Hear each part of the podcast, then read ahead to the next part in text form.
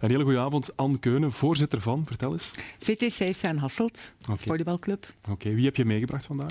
Ik heb vandaag ehm, de jeugdploegjes meegebracht. En dat gaat van U13 tot U15. Er zit ook een U17 bij. En de allerkleinste hier naast mij van de volleybalschool, dat zijn de starters. Oké. Dat is U7 en U9. Oké, hoe lang ben jij al voorzitter? Ik ben nu vier jaar voorzitter, ehm, ja, sinds 2019 eigenlijk. Oké, en hoe ben je voorzitter geworden?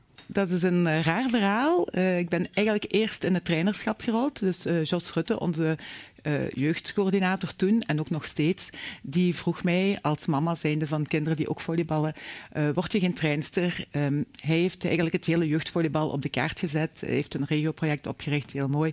En ik ben er dan ingestapt, heb van hem de mosterd, bij hem de mosterd gehaald, van hem alles geleerd. En tot op vandaag doe ik het nog heel graag om met die jonge kerels bezig te zijn. Zit er veel talent bij Safe Sign Hasselt? Ja, er zit absoluut talent, eh, dat kan ik wel zeggen. Ja. Ja, Het zijn alleen jongens, jongens en Het mannen. zijn alleen maar jongens, ja. En de mannen doen het goed, want die spelen in de eerste nationale. Eh, de mannen zijn vorig jaar gestegen van Nationale 2 naar Nationale 1.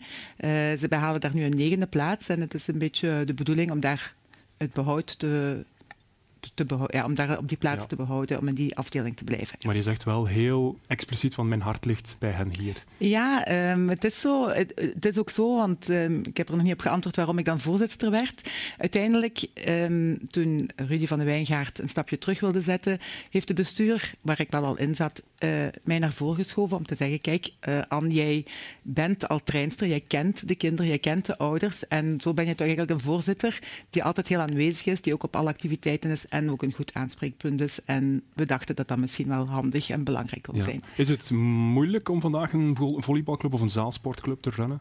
Ja, absoluut. Het is eh, niet evident, ehm, ook om, om publiek en, en, en volk te krijgen, om ook vooral jonge spelers te krijgen. Dus ik zou echt een oproep willen doen aan jonge kinderen van 6 tot eh 10, 11 jaar, van start nog met volleybal, want eh, het is eh, wel een heel technische sport, maar toch ook een heel leuke sport, nietwaar jongens? Ja, voilà. Hè. En eh, ja, het wordt soms nog niet genoeg eh, gekend, het is nog soms nog niet genoeg gekend. Ja. eh, ja. Het is zo mooi in koor, ze zijn goed getraind. Maar jullie doen niet alleen eh, gewoon volleybal, jullie hebben ook een beachvolleybalverhaal. Ja, we zijn daar vorig jaar mee gestart. Dus al jaren ligt het plan op tafel, omdat wij samen met de dames, DVH ehm Optimatie Hasselt, omdat wij dan ehm, een, een beachvlakte daaraan hebben, eigenlijk een zandvlakte, een recreatieve vlakte, dachten we, we gaan daar een beachclub ook oprichten. Nu, er lopen onderhandelingen met de stad, maar dat is nog niet zo vlot als wij willen. Dus we hebben zelf vorig jaar twee terreinen aangekocht met beleiding. En dan ehm, ja, zijn we gestart met eigen lessen voor de jeugd, met eigen toernooitjes en met een King of the Court eh, toernooi vorig jaar. Oké, nog één vraagje, want je hebt ook een mooi boek bij. Ik dacht altijd, ja, Initia Hasselt, dat is handbal, maar dat is niet zo, hè? Nee, nee, nee. Initia gaat veel ruimer dan dat. Er zijn veel clubs die zo heten. En eh, ja, ik heb een, een boek mee, geschreven door Albert Reemans en Michel Zwerts, twee iconen van de club ook, die eigenlijk schrijven over het verhaal Initia Hasselt. Ehm, het is een verhaal, eh, mooi geïllustreerd met veel foto's, met ook interviews van mensen die hun eh, voet een stempel hebben achtergelaten eigenlijk in het hele verhaal van de club. En het is bijvoorbeeld een leuke ane- anekdote om te weten dat onze club ontstaan is op een eh, schoolkoertje, een speelplaats in Romer, Romershoven, dus bij Hoeselt. En zo toch uitgegroeid is tot wat het nu is. Ehm, het is ook zo dat ik vroeger alleen maar dacht van, ah ja, het is VTI Hasselt. We zien vele hoogtepunten in het boek. ook, ja. vele dieptepunten ook, herstructureringen, Ja. hoort allemaal bij, de, bij het verhaal, bij de geschiedenis van een club. Hè. En, ehm, dus, maar het was een VTI vanaf 1991 tot 2018, het jaar daarna, hebben we een nieuwe naam aangenomen. Safe Sign Hasselt. Voilà. Safe zijn Hasselt, ja. Oké, dankjewel voor het gesprek, Anne Keunen en ook de mensen van eh Safe Sign Hasselt, hè, zo ga ik het zeggen. Ja. En u thuis, welkom bij TVL Sportcafé.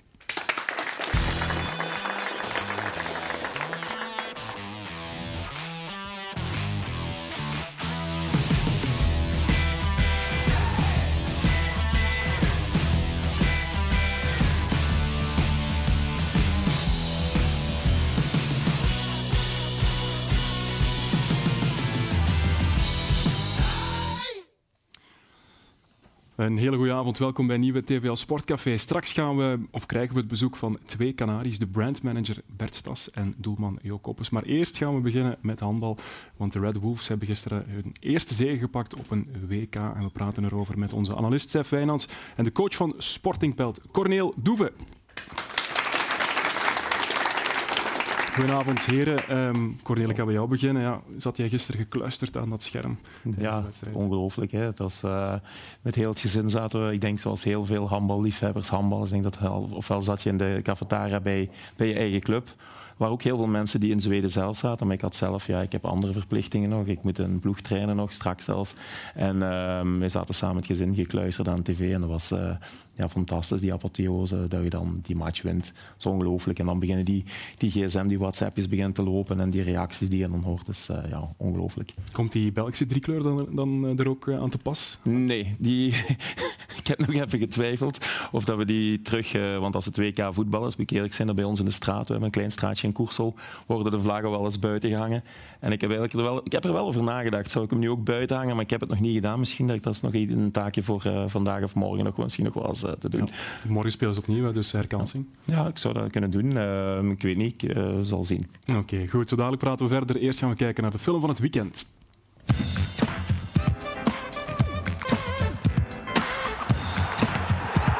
I have to score so early. I felt really motivated. I felt really positive.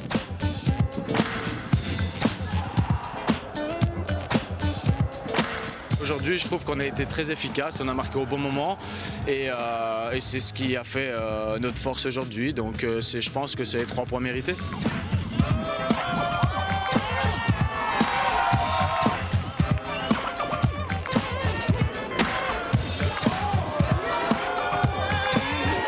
algemeen dat wij goed de druk hebben gezet. Uh, niet in hun spel laten komen en uh, dat we verdiend gewonnen hebben.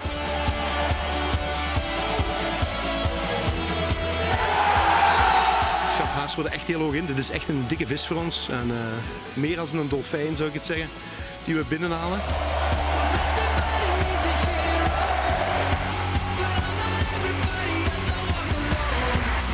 te delen op een WK met uh, vrienden, familie. Daar, uh, soms word ik daar emotioneel van. Het is nog niet voorbij natuurlijk, maar ik hoop dat we een beetje deze overwinning kunnen koesteren vanavond en dat we dan kunnen kijken naar de volgende wedstrijd.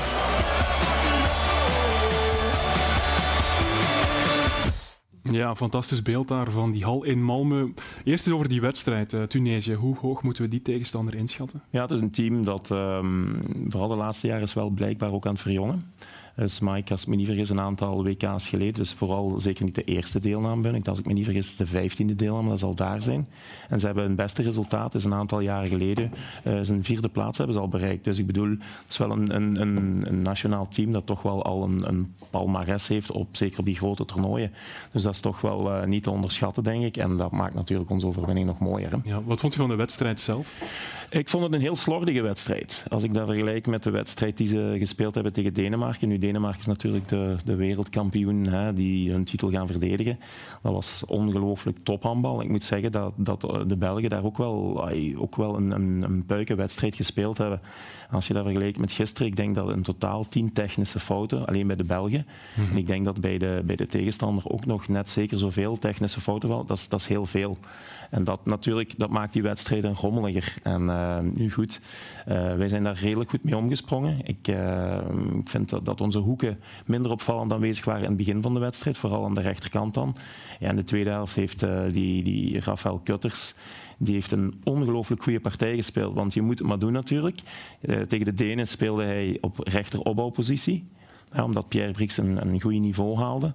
Maar goed, Pierre was uh, gisteren niet echt bij de les. En toen heeft uh, die, die heeft gewoon op, linker, op rechterhoek gespeeld. En die heeft daar ook een fenomenale wedstrijd gespeeld. Dus dat is, dat is buitengewoon. Hè. Dat is echt wereldklasse, zal ik maar durven zeggen. Okay. Het, het, toneel dat we nu zien daar, die hal in Malmö, 12.000 toeschouwers. Het is een hele andere sport dan wat we hier in België ja, Ik ben toevallig in die hal geweest een paar uh, maanden geleden. Toen Union heeft daar nog gespeeld. voor, ja.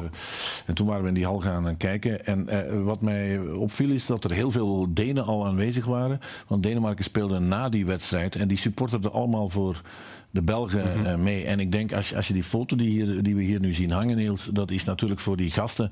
Hè, ik, ik lees ook maar, want ik, ik, ik volg het natuurlijk niet van dichtbij. Dat, daar zijn eh, eh, maar vijf van de 18. Zes van de zes. Ja, zes, Zes van de 18 zijn profs, de rest er is een elektricien bij, een leraar, een kinesist. Ik bedoel, kijk, als je dat kan meemaken, dat kan eigenlijk nauwelijks. Ze hebben, krijgen er geen geld voor, maar er kan geen geld tegenop. En ik begrijp ook, als je Jeff Letters dat dan wel een prof is, dat die zo emotioneel daarover is. Want eigenlijk kijkt hij heel zijn leven al naar zoiets uit. En eh, ja, handbal is natuurlijk, ik heb het al vaker gezegd, op, op dit niveau, dus het is waanzinnig mooi om naar te kijken. Ja. Kader, die eerste zege op een WK is voor ons land. Wat betekent dat nu voor die sport? Ja, dat is, dat is, dat is onge- ongelooflijk. Ik bedoel, ehm, ja, alleen al het feit dat je daar voor de eerste keer bent, dat brengt altijd zo'n beetje spanning met zich mee.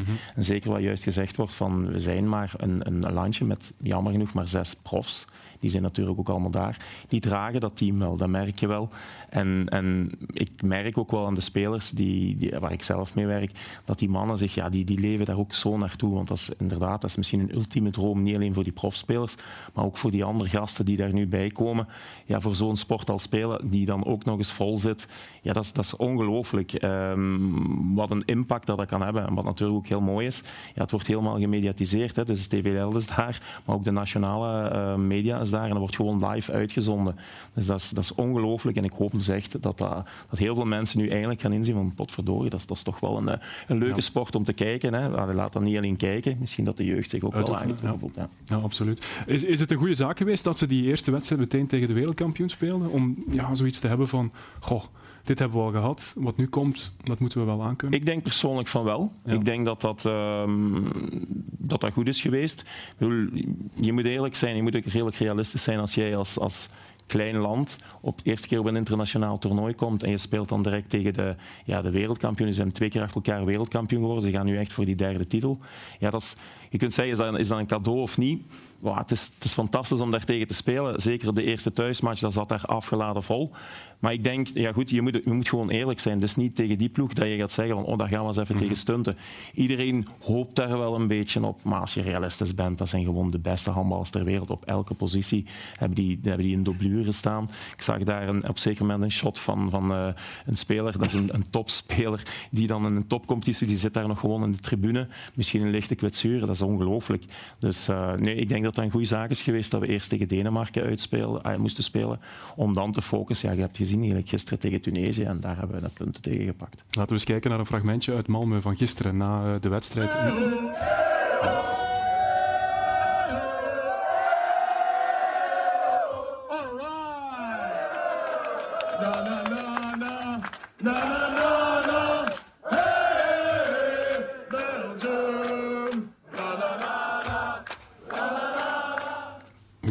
ik eh, Tom Robijns herkende. Eh, mag ik het een Limburg-succesje noemen, wat, wat we daar nu beleven? Mogen we dat claimen? Ja, Ja, toch, hè? natuurlijk mag je dat claimen. En ik geloof 9 van de 18 eh, zijn Limburgers of spelen hier. Mhm. Of, eh, eh, ja, Limburg is de bakermat, eh het Walhalla. En dat, ik weet dat hij in Vizé kampioen geworden is. Maar, maar goed, dat is ook nog met een, een, een hoop Limburgers. Dus ja, uiteraard, eh, als er in Limburg geen handbal meer wordt gespeeld, dan zal het niveau niet beter worden. Dat is duidelijk. Ja, mag ik dan ook zeggen dat dat misschien...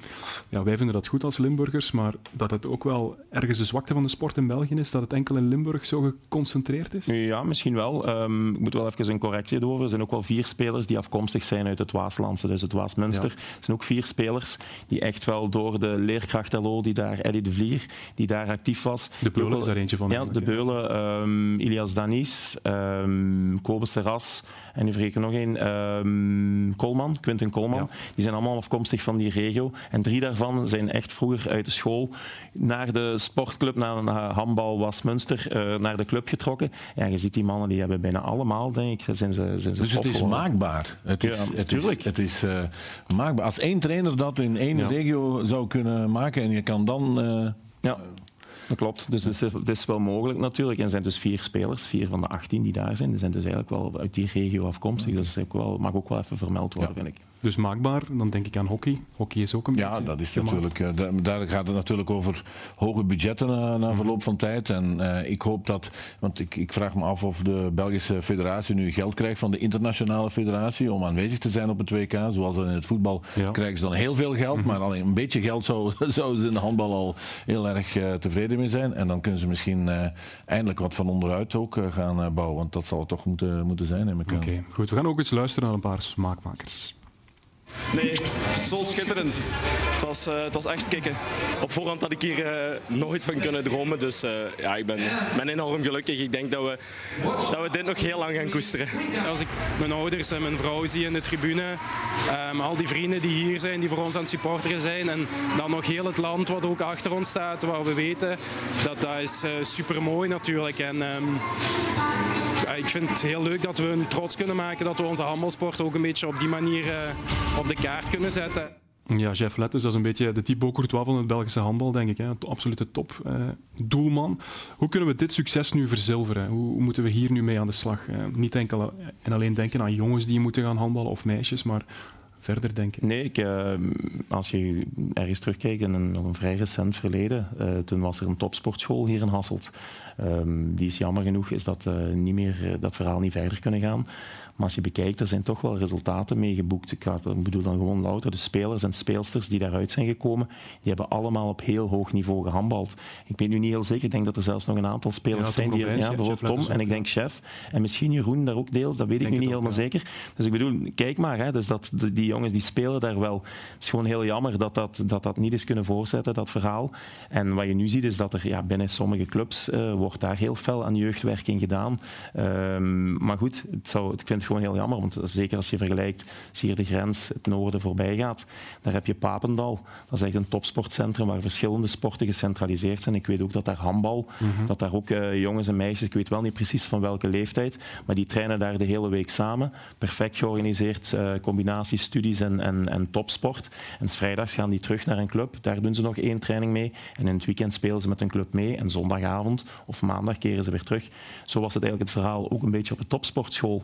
ja, en ja, het is gewoon heel jammer dat, dat, dat we dat niet hebben kunnen voortzetten. Dus, Mag ik dan zeggen dat Michel Kranze als technisch directeur van de Belgische Handbalbond moet gaan aankloppen bij Ben Wijts en weer die subsidies gaan proberen los te En weken? Niels, dat, gaat al, dat is altijd hetzelfde. Hè. Je moet natuurlijk eerst het budget krijgen om dat eh, los te weken. Maar wat Michel zegt is natuurlijk wel. eh, sorry, wat Corneel zegt is natuurlijk wel. Als je die topsportschool terug in, in leven kan eh, krijgen. Als ik nu het verhaal hoor, want het is de eerste keer dat ik dat hoor. Als je dat in één lo- lokaliteit kan doen met één trainer.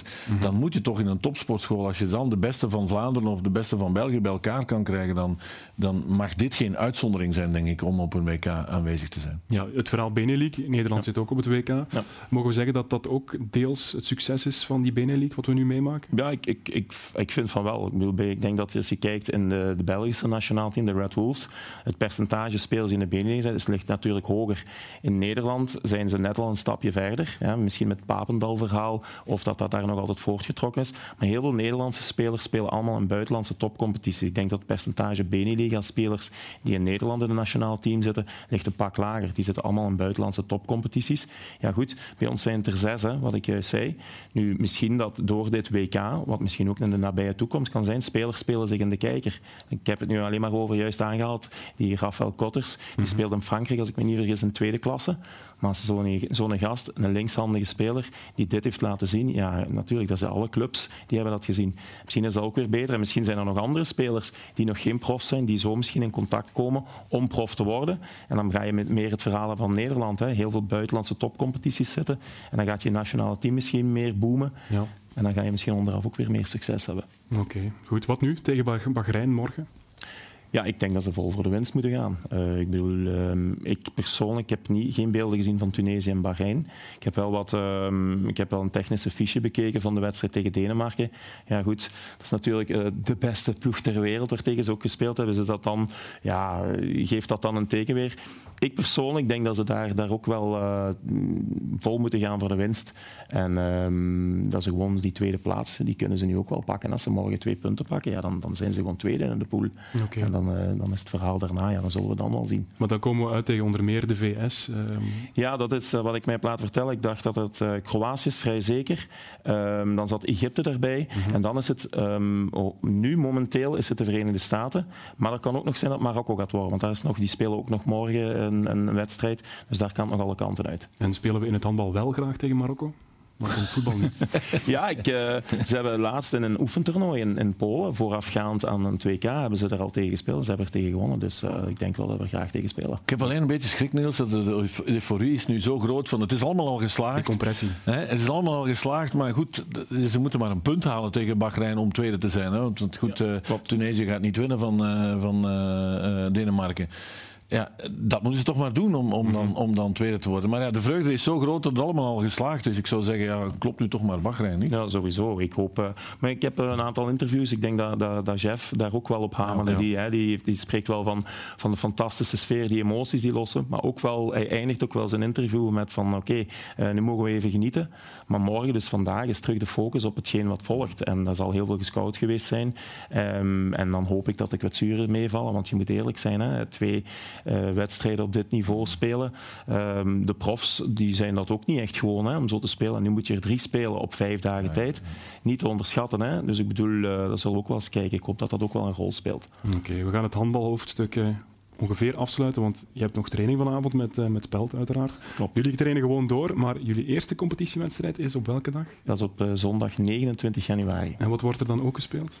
dan wordt ook de finale op het WK gespeeld. dus uh, dan moet je kiezen? Nee, dan ga je gewoon... Ik, als ik me niet vergis, is, wordt de, de finales namiddag gespeeld en dan kunnen we aansluitend gaan coachen. Oké, okay, ik ga je bedanken voor je komst, Corneel Doeve. Veilige terugrit naar Pelt. Wij gaan tijd maken voor een Limburgse held.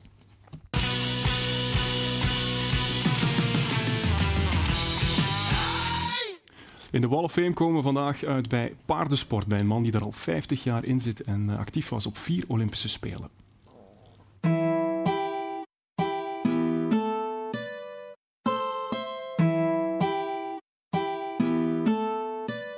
Ik ben als zeven jaar begonnen en ik ben eigenlijk begonnen dadelijk op een groot paard. En, en toen ik zeven jaar was, heb ik zelfs al mijn eerste dressuurproef gewonnen.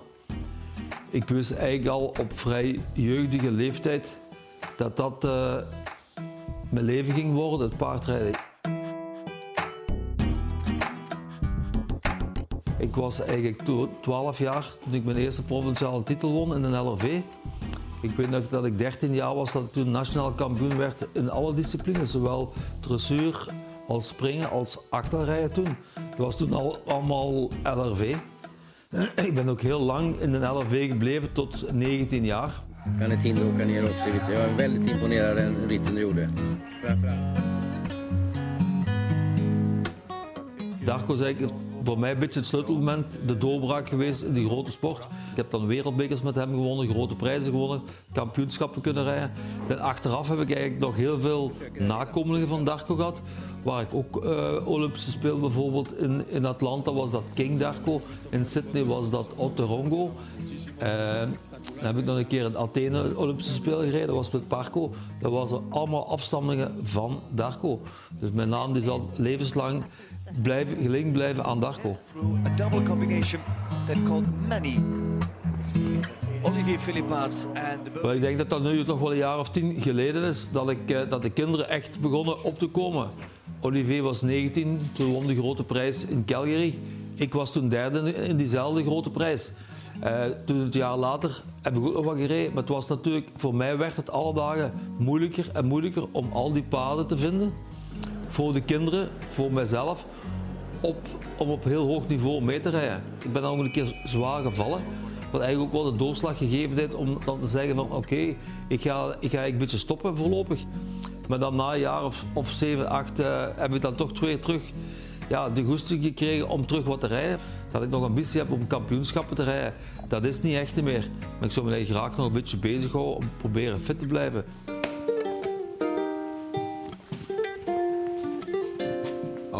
Voilà. Wel, ik denk dat onze handel hier bij, bij Philippa's We Live Horses uh, heel belangrijk geworden is. Ik denk dat we wereldwijd bekend zijn.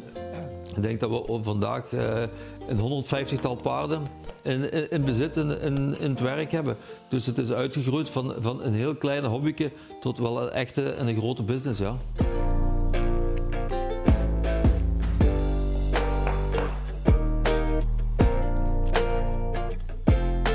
Het lijkt er toch wel zo op dat, uh, dat alle kinderen willen verder gaan in de paardensport. Uh, Nicola en Olivier die zijn al tien jaar in het bedrijf, die, die doen topsport. Uh, komt er dit jaar in het bedrijf. Uh, is nog een beetje aan het leren. Dus dat zal misschien nog wel een jaar of twee jaar duren. Maar dat ziet er ook zo naar uit dat hij ook zijn stappen wil zetten in de paardensport. En dan wordt ons bedrijf toch groter en groter. En de bedoeling is dat we de volgende jaren nog gaan groeien. Ja.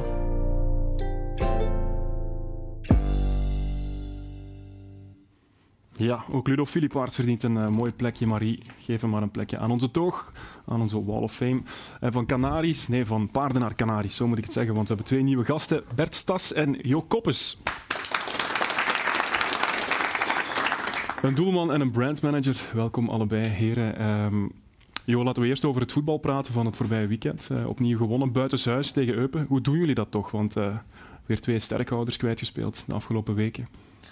Ja, om ik denk dat we als groep gewoon sterk zijn om ons te focussen op de dingen die we in de hand hebben. En, uh, ik moet ook zeggen dat, dat, dat, we dat echt ook voor de wedstrijd aangesproken hadden. Uh, nog voordat we op veld gingen. Van kijk, het is nu genoeg over alle spelers gebabbeld die weggaan. Allee, daar kunnen we, allee, die zijn weg. Het is deze groep, het is deze jongens waar we het mee moeten doen. En uh, wij werken er ook keihard voor. En al de, we gaan nu echt gewoon terug zorgen dat de mensen terug babbelen over het STVV, lijkt het er nu uitziet vandaag. En uh, dan chapeau aan, uh, aan, de gasten die op het, uh, op het veld stonden. Want ik denk ook wel dat je dat echt zag. Dat, ja, dat we gewoon willen laten zien dat wij als groep gewoon een heel sterk geheel ja. zijn. En wat er ook mag gebeuren, dat wij proberen wel altijd de juiste focus te houden. Ja. En de bekeruitschakeling, is die doorgespoeld met die overwinning? Want dat was pijnlijk, hè? omdat jullie daar ook een echte kans hadden, omdat jullie meteen met tien man vielen. Ja, dat, was uh, voor de speelsgroep eigenlijk wel echt, uh, echt een pijnlijke. Um, we hadden ons daar wel ja, veel voorgenomen, zal ik niet zeggen, maar ja, we, hadden daar wel echt ambitie om, uh, daar iets moois te betekenen. Omdat, ja, wat lijkt dat we zeggen, we zijn een groep die wel denken als wij echt onze spirit hebben en er vol voor gaan, dat we elke wedstrijd een kans hebben. En daardoor was eigenlijk uh, echt jammer, omdat we ook gewoon gevoeld hebben dat we tegen Zolt eigenlijk niet echt, uh, echt een kans gehad hebben, niet echt kunnen strijden hebben. En ja, daar was het wel, wel pittig, maar natuurlijk geluk hadden we dat we gewoon uh, drie dagen nadien terugwedstrijd ja. hebben en dan, ja, lives goes on. Dan moeten we gewoon verder gaan. Bert, jij als supporter van STV, je bent al jaren supporter van STV, je bent nu brandmanager en werkt voor de club gemiste kans wel, hè? 20 jaar na datum. Het had wel iets kunnen betekenen, denk ik, een nieuw bekeravontuur. Ja, je voelt dat het leefde in de stad, leefde onder de supporters. Hè, na die stunt in, in Brugge. Uh, er waren al sommigen die aan het dromen waren over de finale. Dat was misschien een tikkeltje voorbarig. Maar de ontgoocheling was dus des te groter toen we alsnog de bodem gingen in Zulten. Maar goed, los daarvan denk ik dat we het sportief heel erg goed doen. Uh, het was even een kleine tegenslag, maar voor de rest mogen we zeker sportief niet klagen. Oké, okay, vertel eens wat jij doet als brandmanager. Wat houdt dat zoal in? Ja, eigenlijk is het heel simpel. Sta je terug gevuld krijgen. Maar dat is natuurlijk simpeler gezegd dan gedaan. Ik denk dat het vooral belangrijk is om de band tussen STVV en Haspengrouw te herstellen. Om supporters terug te betrekken. Om de voetbalcultuur die zo typisch is aan STVV uh, ja, heel erg uit te dragen. En het, het feestgevoel dat er op Staaien uh, heeft geheerst ook opnieuw terug te brengen. En proberen we te doen met het hele team. Hè, want dat is altijd gemakkelijk. De brandmanager uh, die moet het allemaal oplossen. Zo werkt dat uiteraard niet. Hè. We hebben een heel sterk team en samen proberen we dat te doen uh, sinds het begin van het seizoen. Ja, maar je voelde wel destijds toen je instapte, want daar zijn veel mogelijkheden. Er loopt veel fout. Was dat de conclusie? Ja, niet veel fout. Uh, maar ik had heel erg het gevoel, een beeldspraak die ik graag gebruik, van zo'n vulkaan die borrelt. Hè. Uh, ja, iedereen spreekt altijd over het heilige vuur op staaien.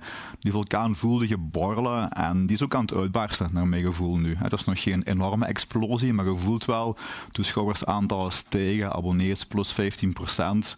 Uh, maar vooral, ay, STVV, daar wordt terug over gepraat. Hè. Thuis, aan, aan de keukentafel, tijdens de lunchpauze, aan de togenbistroken en Sint-Truiden. Daar wordt terug over STVV gepraat. Dat is een tijdje weg geweest. Um, maar intussen komt dat terug en dat doet mij heel veel plezier. Oké, ik ga eens naar de overkant van de tafel, want jij kent het huis ook heel goed, Stef. Maar ik zeg dat die, die vibe die hij voelt, dat dat ook wel gewoon voor een groot stuk door Bernd Hollerbach is en hetgeen wat hij doet met, met die groep Ja, dit seizoen? niet, niet alleen door uh, Hollerbach. Ik denk dat uh, als je de, uh, kijkt sinds Maas gekomen is, hè, dat is nu twee jaar geleden, Maas is een half jaar trainer geweest. Als je de punten totaal telt over die twee kalenderjaren, dan maakt STVV in die twee jaar voor de positie waarin zij zich normaal zouden verkeren, twee schitterende jaren door. Dus uh, qua, qua puntenaantal, uh, het voetbal is niet altijd even leuk, dat, uh, dat moeten we zeggen. Maar, maar die ploeg, wat Jo zegt, die staat er. En ik was zaterdag opnieuw op Eupen. En je kijkt er met verwondering naar hoe de tegenstander eigenlijk denkt van oh, we mogen niet in de val trappen. Een goal gaan we niet kunnen maken, dus we moeten vooral ook zorgen dat we er geen tegen krijgen. En dat heeft Hollerbach er zeker wel in uh, geslepen, ja. Maar uh, het, het, sportieve verhaal bij Sint-Truiden, het is geleden denk ik onder uh, Jacques Matthijs, enfin bij Guido Brepel is het natuurlijk ook wel goed gegaan, maar dat was in tweede klasse, één ja. jaar en één in eerste klasse. Het is van die tijd geleden dat de langere periode dat ze het zo goed doen, en, en, en eigenlijk hoor ik alleen maar, en ik, eh, om duidelijk te zijn over Bert, is eigenlijk iemand die zijn profiel veel te hoog ligt voor wat hij eigenlijk uh, doet bij STVV. Um, ik, hoor, ik hoor niet altijd dat verhaal wat, wat hij zegt. Mensen reageren voor mij veel te apathisch op wat er gebeurt. En dat heeft eigenlijk niks meer met het sportieve te maken. En dat is heel erg jammer, net omdat ze het zo goed doen. Ja, laten we nog heel even bij het sportieve blijven. Um, die achtste plek, is dat iets waar de groep mee bezig is? Want ja, jullie staan wel op een play-off 2 plek. Dan moet ik zeggen, hetzelfde als uh, wat eigenlijk onze trainer eigenlijk zegt. We gaan echt van match tot match, omdat ja, je hebt nu wel een reeksje van 7 op 9 neergezet, maar we, we zijn ook gewoon wel een heel realistische groep. Hè. We weten ook nu dat we Club, Gent, dan denk ik Leuven hebben. Jongens, allez, we zijn wel op dat gebied is het wel echt uh, typisch Limburgs voeten op de grond en, en, elke week gewoon, gewoon gas geven. En dan zien we wel, allee, als het zover is, maar het is wel nog lang om daar nu over te babbelen, denk ik. Ja. Het is niet dat dat bij ons in de groep besproken wordt van we gaan vol voor play of 2. Nee. nee. Is nu gewoon, nu is dat gewoon weer, ah, club komt, oké, okay, hop, zo gaan we dat aanpakken en dan weer de volgende. Het is niet dat wij in een groep zijn die, dat is denk ik echt onze sterkte, niet ja. te veel droomt en verwacht. En, nog één elementje uit die wedstrijd van Eupen. Waar kwam Abu Koita plots vandaan? We hebben hem zo lang uh, niet gezien en nu stond hij hier opeens aan de aftrap en maakte hij mee het verschil. Ja, ik denk over Abu zijn, uh, over Abu zijn kwaliteiten, daar moeten we niet over babbelen, denk ik. Hè. Iedereen weet wat hij, wat hij kan. Maar Hollerbach uh, zegt van... Zijn mentaliteit is niet altijd top. Voel jij dat zelf ook? Ik vind dat altijd een, een moeilijk om dat te zeggen. Dat is eigenlijk een trainer die, die dat voelt, of die dat aanvoelt, of die daar zijn beslissingen pakt. Um, ik vind ook niet dat dat mijn job is om, om nee. over een collega zijn mentaliteit. Maar we weten wat Abu kan. En uh, hij weet denk ik ook als hij dit elke week brengt, dat hij ook veel meer minuten gaat. Uh, nee, maar hij stond er niet in, hè, Niels? Nee, Want het was omdat de normale linksachter, Ja, uh, Boca. Bocati, was te laat op het ontbijt. op het Ja. ontbijt. Enfin, zo is het toch naar ons gekomen. Ja, dat is ook zo. Allee, dat is ook zo. Allee, het was zo dat normaal Erik ging starten, maar dat is ook wat ik weer zeg. Hè, de, gewoon echt die absolute scherpte erin houden. Dat is, gewoon, dat is gewoon de hand van onze trainer. Gewoon niemand in de comfortzone laten. Denken, oké, ik, heb, ik heb wel krediet opgebouwd. Als ik u een keer te laat kom, is dat niet uit. Nee, nee. Maar zo hoort het toch ook? En zo, ja, zo hoort het wel, maar zo hoort het wel en zo vindt iedereen altijd dat het moet, maar zo gebeurt het niet altijd. En dat zorgt er wel voor dat iedereen in onze groep scherp is. En de trainer zegt ook, als ik u, als ik u nodig heb, moet je dan ook daar zijn.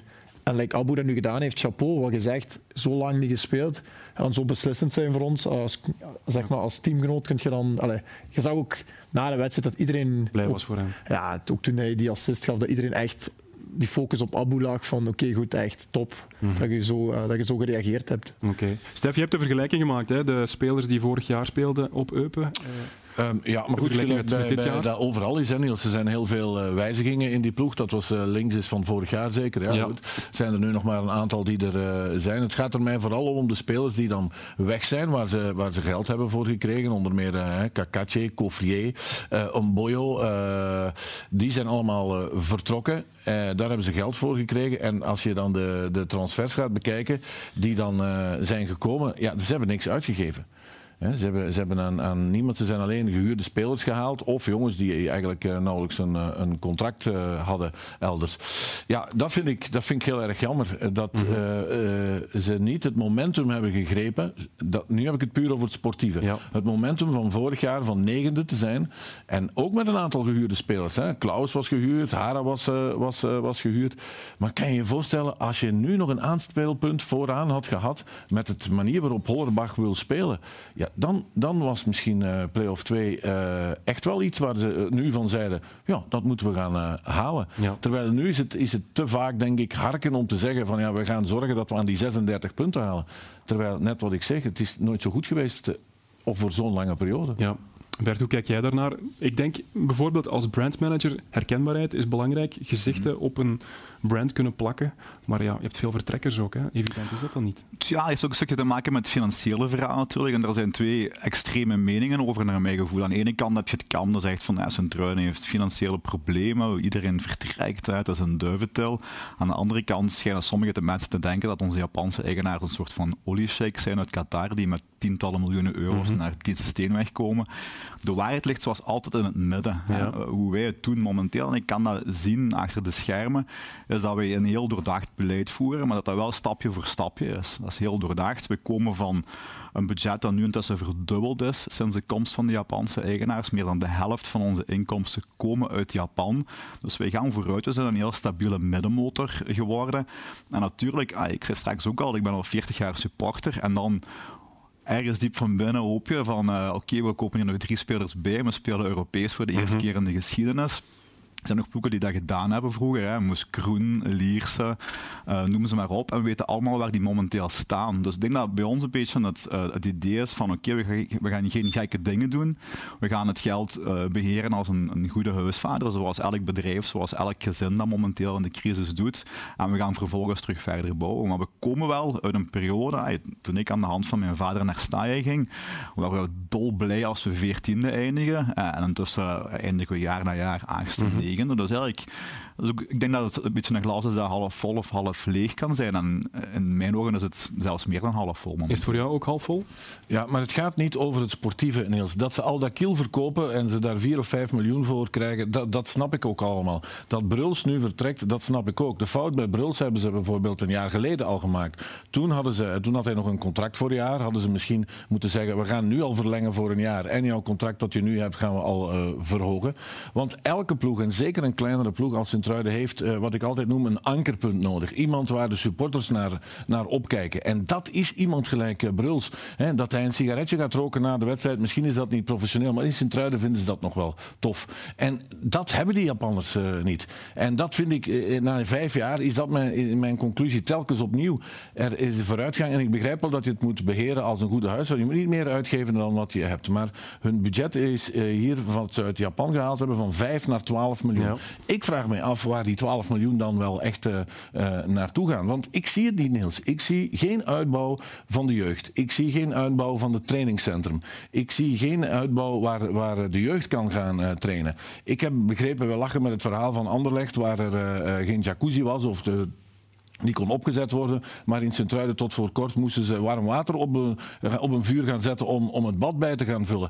En dat mis ik bij de Japanners. Die visie om een plan uit te rollen voor te kijken, kijk, dat is wat we hier gaan doen. Doet Westerlo het beter in de stand? Nee. Doet Leuven het beter? Nee in de stand. Maar ga alsjeblieft eens kijken waar infrastructuur, op de infrastructuur, wel, ja. de accommodatie, waar ze allemaal aan het werken zijn. En daar, daar kunnen we nu toch niet van zeggen dat ze in die vijf jaar dat ze er nu zijn, geen tijd gehad hebben om dat uit te bouwen. Dus het gaat mij niet over al dat kielverkoop kopen, al dan niet. Het uitbouwen van de ploeg, dat is één van het verhaal. Maar dat hoeft zelfs niet. Dat geef ik Bert gelijk. Want we, vroeger was iedereen tevreden als je veertiende eindigt. En nu nog hoor. Als er gewonnen wordt van Club Brugge of van Anderlecht of een keer van Genk en ze eindigde dertien of veertien, dan is niemand vraagt dat STVV ja. zevende of achtste wordt. Maar heel het verhaal wat, wat ik probeer te schetsen, dat mis ik uh, gewoon. Ja. En ik hoop dat iemand zoals Bert daar kan aan, aan, aan toe bijdragen. Maar ja, ik vrees ervoor in die zin, omdat ik heb met de voorzitter gesproken. De voorzitter is van niks op de hoogte geweest. Niet dat Hollerbach ging stoppen, niet dat Bruls ging weggaan, niet dat Aldakiel. Ja, wat is er fout aan een keertje te overleggen met een aantal Ik wil het mensen? net vragen, want je bent een communicatieman eigenlijk, hè, in hart en nieren. Wat zeg jij tegen de Japanse bazen? Zeg je niet van, we moeten transparanter zijn, het volk ja. moet weten wat hier speelt? Maar ik moet zeggen uh, dat de Japanners uh, trouwenser zijn dan heel veel mensen denken. Hè. Ik bedoel, dat zijn mensen die super hard werken, die wel degelijk een visie hebben, um, die ook wel een stukje levensgenieter zijn zelfs. Um, maar waarom komen ze maar, daar niet mee naar buiten? Wel, daar wil ik toe komen. Um, wat zij natuurlijk niet hebben, uh, dat flamboyante, uh, open communiceren, dat zit er natuurlijk niet in, ingebakken. Nu, ik kan wel zeggen, we hebben daar uh, niet langer dan twee weken geleden nog een heel intensief en goed gesprek over gehad. Uh, we hebben ook wel onszelf voorgenomen om daar echt aan, aan, te werken. Het ding is natuurlijk, onze, onze CEO bijvoorbeeld, meneer Tateshi, uh, werkt keihard dag en nacht, maar zit vooral in Japan. hij probeert mm -hmm. daar geld ook binnen te halen voor de club, is heel veel met transfers bezig. We zijn accent ligt niet zozeer op communicatie, en dat begrijp ik ook wel ergens, maar we hebben er wel over gesproken en we hebben daar echt wel goede voornemens gemaakt. Ik kan al een primeur meegeven. Begin februari gaan we alle abonnees uitnodigen voor de eerste fanconferentie uit onze geschiedenis, waarbij iedereen eigenlijk de kans krijgt om zijn vragen te stellen, rechtstreeks en persoonlijk aan onze CEO. Ik denk dat dat een hele goede stap is en dat is nog maar de eerste van vele. Dus ik, ik begrijp Stef en ik, ik waardeer Stef ook aan zijn mening heel erg, um, maar dat besef is er wel binnen de club en dat ook vooral een stukje perceptie is. Um, want als ik uh, intern aan tafel zit met die mensen, dan voel ik die visie, dan voel ik die bevlogenheid, die ja. motivatie wel. Maar we moeten die gewoon iets meer naar buiten brengen, dat is Stef, waar. Stef heeft het over uh, investeren, ook in faciliteiten, in infrastructuur. Over de jeugd, voor de jeugd zijn er wel plannen, vage plannen in, in korte bossen. Hoe staat het daarmee?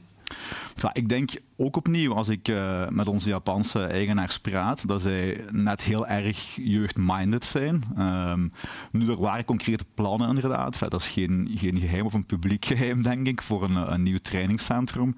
Um, natuurlijk, we moeten ook realistisch zijn. Er is een niet te overziene crisis in het voetbal momenteel. Hè, want we praten hier al over STVV, maar ik nodig u uit om eens te gaan praten met de mensen van Oostende of van, uh, van of, of van Zulte Waregem. Nou, daar gaat het eigenlijk niet over. Nee, goed, uh, maar, maar, wat ik wil zeggen, ja. Stef, is... Allee, er zijn concrete plannen. Ik denk dat dat nu een beetje pas op de plaats is, maar dat die er wel, dat die wel gaan, gaan komen.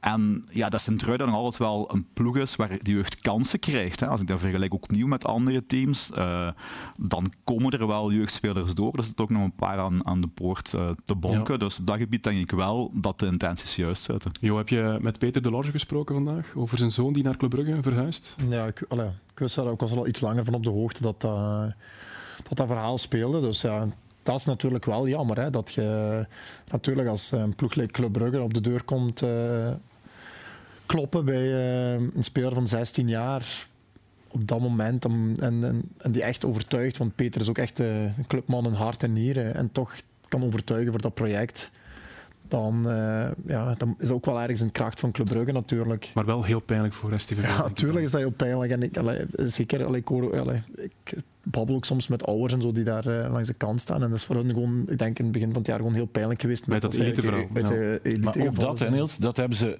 ook laten schieten. Ja. STVV had zeer goede jeugd vorig jaar. Hè. Zeer goede jeugd. Die, die konden zich meten met Anderlecht, met Genk, met Brugge. Dat is, nu spelen ze tegen Deinze Ja. en Virton. Hè. En op, dit, op het einde van dit seizoen vertrekken er waarschijnlijk Ja, uiteraard, want die jongens zijn allemaal moeten blijven omdat de, de licentie eh, pas Ja. later is, is bepaald eh, geworden. Dus, en en wat, wat je kan zeggen over de zoon van de Lodge, het is niet omdat Peter zijn heel leven lang bij STV heeft gespeeld, dat zijn zonen dat ook moeten gaan doen. Voor alle Nee. de, Maar eigenlijk heeft Peter wel het, signaal van misschien is de Ja, niet goed maar- genoeg maar- meer voor maar mijn kinderen. Maar waarom zou die zoon, als hij Ja. het project voelt vanuit Club Brugge, hij is hoe oud is Lucas Maar als hij het al 16? zegt van zijn zoon, dan gaan er nog volgen. Ja, ja, ja goed. Je kunt, maar, allee, mocht wel eerlijk zijn, je kunt een opleiding, allee, je kunt een opleiding van Club Brugge, die daar toen, die tien jaar geleden met Verhagen en eh, Man daar toen begonnen zijn, toen al begonnen zijn met te zeggen, Ja. wij gaan... Toen kochten ze nog heel veel spelers, maar aan de achtergrond werd toen nog heel veel ingezet op alle ex-spelers daar. Eh, Hoefkes is daar beginnen bij de min 16, was Hoefkes eerst eh, trainer. Die hebben al die ex-profs die heel veel match hebben, die hebben al heel vroeg dikke profcontracten als trainers gegeven in de jeugd. Dus, allee, dus ik denk dat dat heel moeilijk is om als een trui om te zeggen, ja, dat gaan we doordat, doordat we ehm, zeg maar een paar miljoen gaan investeren, gaan we daar direct. Dat, gaat, gaat je, allee, dat, is, dat is eigenlijk een proces waar je ook echt tien jaar een visie moet over doen. Eh, dat, dat is niet zo makkelijk te dichten als zo'n denk. Allee, naar mijn mening. Ik ga Bert er eh, het laatste woord over geven, over eh Luca Delors. Het is wel natuurlijk pijnlijk, hè, denk ik, voor jullie. Ja, weet je, als supporter bloedt je hart hè, de naam de Lars alleen al. Hè, dat wekt een zekere emotie op en nostalgie. Eh, Peter is nog altijd een enorme clubman, dus ja, dat is heel jammer. Ehm, maar goed, ik las vandaag nog ergens een reactie van eh, misschien dat je nu zijn opleiding in Brugge afmaakt en dan op zijn achttiende terug naar Staaien komt. Dus ik kan alleen, alleen maar hopen dat dat gaat effectief Oké, we zullen het zien. We blijven bij de jeugd, want het is tijd voor de Dribbelkoning Junior.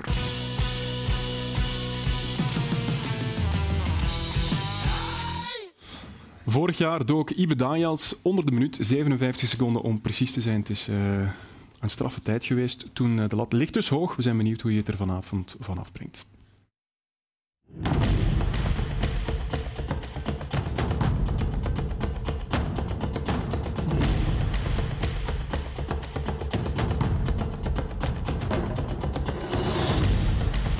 Ik ben Daniels Ibe en ik speel bij Bocholt en ik ben 12 jaar. Meestal speel ik op de 11. Mijn favoriete speler is Eden Hazard.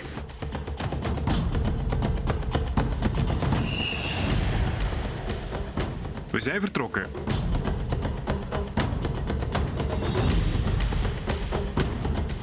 De volley. Een beetje pech. De kegels dan. Twee omver, min 4 seconden. We zijn al bij de regenton. Uitstekend gedaan. De slalom. Eén potje omver, dat is jammer. Plus 5 seconden. En dan de darts. Dubbel 19. Triple 16 is 86 gedeeld door 5 is min 17 seconden. Drie keer schieten zonder de grond te raken. Min 10 seconden. Zes keer jongleren. Uitstekend. De laatste schietopdracht.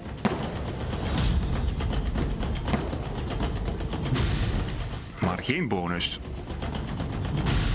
Eindigen doen we met de brug. Foutje, plus 5 seconden. Nu finishen in 1.37.24. Daar gaan 21 seconden vanaf. De eindtijd voor Ibe Daniels van Bocholt VV is 1.16.24. Ik, had, ik was niet echt tevreden met de oefeningen. Waar was je niet zo tevreden mee? Met het schieten bij de, ja, bij de boog ja. en bij het bouwen en uh, bij de dribbelen daar, bij de kegeltjes, slalommen. Je hebt vorig jaar ook meegedaan. Uh, was het deze keer beter? Nee. nee, ik denk niet dat het dit jaar beter gaat zijn. Ik denk dat je dat een beetje tegensteekt, hè? Ja. Goed, we zullen het zien. Ben je toch benieuwd naar de stand? Toch wel een beetje, ja. Ja, hij heeft het uh, wel goed gedaan hoor. Ibe Daniels 1.16.24. Hij komt uit op een voorlopig vijfde plek. Dus Bocholt doet het goed. Geef hem maar een applaus. Ibe Daniels. En dan is het tijd voor een nieuwe naam. En uh, de eer is aan jou, Bert. Jij mag een nieuwe naam uit onze beker halen en die meteen luid op voorlezen. Vince Penders. Van welke club? MVV. MVV. Maastricht uh, ook vertegenwoordigd. Goed, dat is voor volgende week. Voor donderdag, uh, club komt op bezoek. Jo, kijk je er naar uit? Ja, ik denk iedereen kijkt er naar uit. Hè. Ik denk dat alle ploegen in België wel er naar uitkijken om tegen club te spelen. Dus we gaan er proberen een mooie avond van te maken voor de, voor de supporters. En als ze weten dat ze in elk geval strijd kunnen zien. En uh, dan hebben we ook een tikkeltje, om zo'n wedstrijd echt goed resultaat te hebben, ook een tikkeltje genoeg nodig, denk ja. ik. Jullie doen het vooral buitenshuis goed. Hè? Heb je daar een verklaring voor? Ja, ik denk dat dat vrij logisch is. Als je ziet de manier hoe dat wij, dat wij voetballen, we hebben graag uh, de fight. Het, eigenlijk, eigenlijk zijn we een beetje het oude STVV. Als we vroeger naar uh, Staaien kwamen, dat was uh, op de nakker en, en, gas geven. En een beetje onze speelstijl op dit moment. Dus natuurlijk kunstgras, dat verwacht dat wij eigenlijk een beetje toch meer van stijl veranderen. Dus ja, niet altijd, niet altijd evident. Oké. Het is wel op een donderdag. Is dat jammer tegen een topclub als Brugge? Ja, nu in Sint-Truiden weten we wat uh, midweekfeesten zijn, hè, voor de mensen die er al ooit geweest zijn. Dus uh, we gaan er een après-ski sausje overgieten. En uh, ja, we zijn altijd al een beetje de Asterix en Obelix van de Belgische competitie geweest. Hè, de Giant Killers. De Giant Killers. Um, we hebben ook een, ja, een heel campagne rond het Giant Killer verhaal voor de terugronde. We krijgen heel veel grote kleppers nog over de vloer. Dus we kunnen hopen dat we de stunt tegen Brugge nog eens kunnen overdoen. Oké, okay, we zullen het zien donderdag, heren. Ik ga jullie alle drie bedanken. Stef Wijnens, ook Corneel Doeven, die zijn tussen alle training aan het geven in veld. Ik hoop van niet, anders heeft hij dat te snel gereden. En uh, Jo Koppes uiteraard en Bert Stas. Eindigen doen we waar we begonnen met handbal. Bij Yannick Glorieux, die trouwens in een ver verleden nog jeugdspeler was bij STVV. Nu dus uh, op het wereldkampioenschap actief is in het handbal. Hij komt uit Tongeren. En gisteren was het zijn allermooiste verjaardag, als ik dat goed zeg, uit zijn leven. Want hij verjaarde en het Deense publiek, het Zweedse Deense publiek, vierde mee. De eerste keer uh, dat wij op een wereldkampioenschap staan, uh, dan nog eens de wedstrijd winnen, dan nog eens om Ik denk niet dat het, dat het mooier kan. Uh, op voorhand had ik hier nooit van kunnen dromen.